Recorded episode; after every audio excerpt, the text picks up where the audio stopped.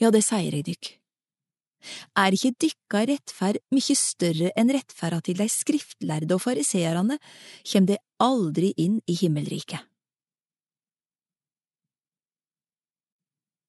Drap og vreide Det har høyrt er sagt til forfedrene, du skal ikke slå i hæl. Den som slår i hæl, skal være skuldig for domstolen.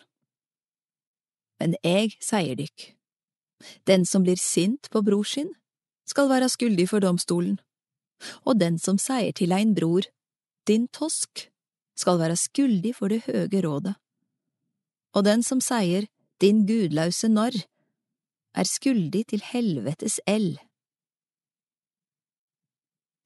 Når du går fram til altaret med offergåva di, og du der kjem i hug at bror din har noe imot deg, så lat gåva di ligge framfor altaret og gå først og forlik deg med bror din. Så kan du komme og bære fram offeret ditt. Vær snar til å forlike deg med motparten din, medan du ennå er med ham på vegen. Ellers stemner han deg for dommeren, og dommeren gjev deg over til vaktmannen, og du blir kasta i fengsel.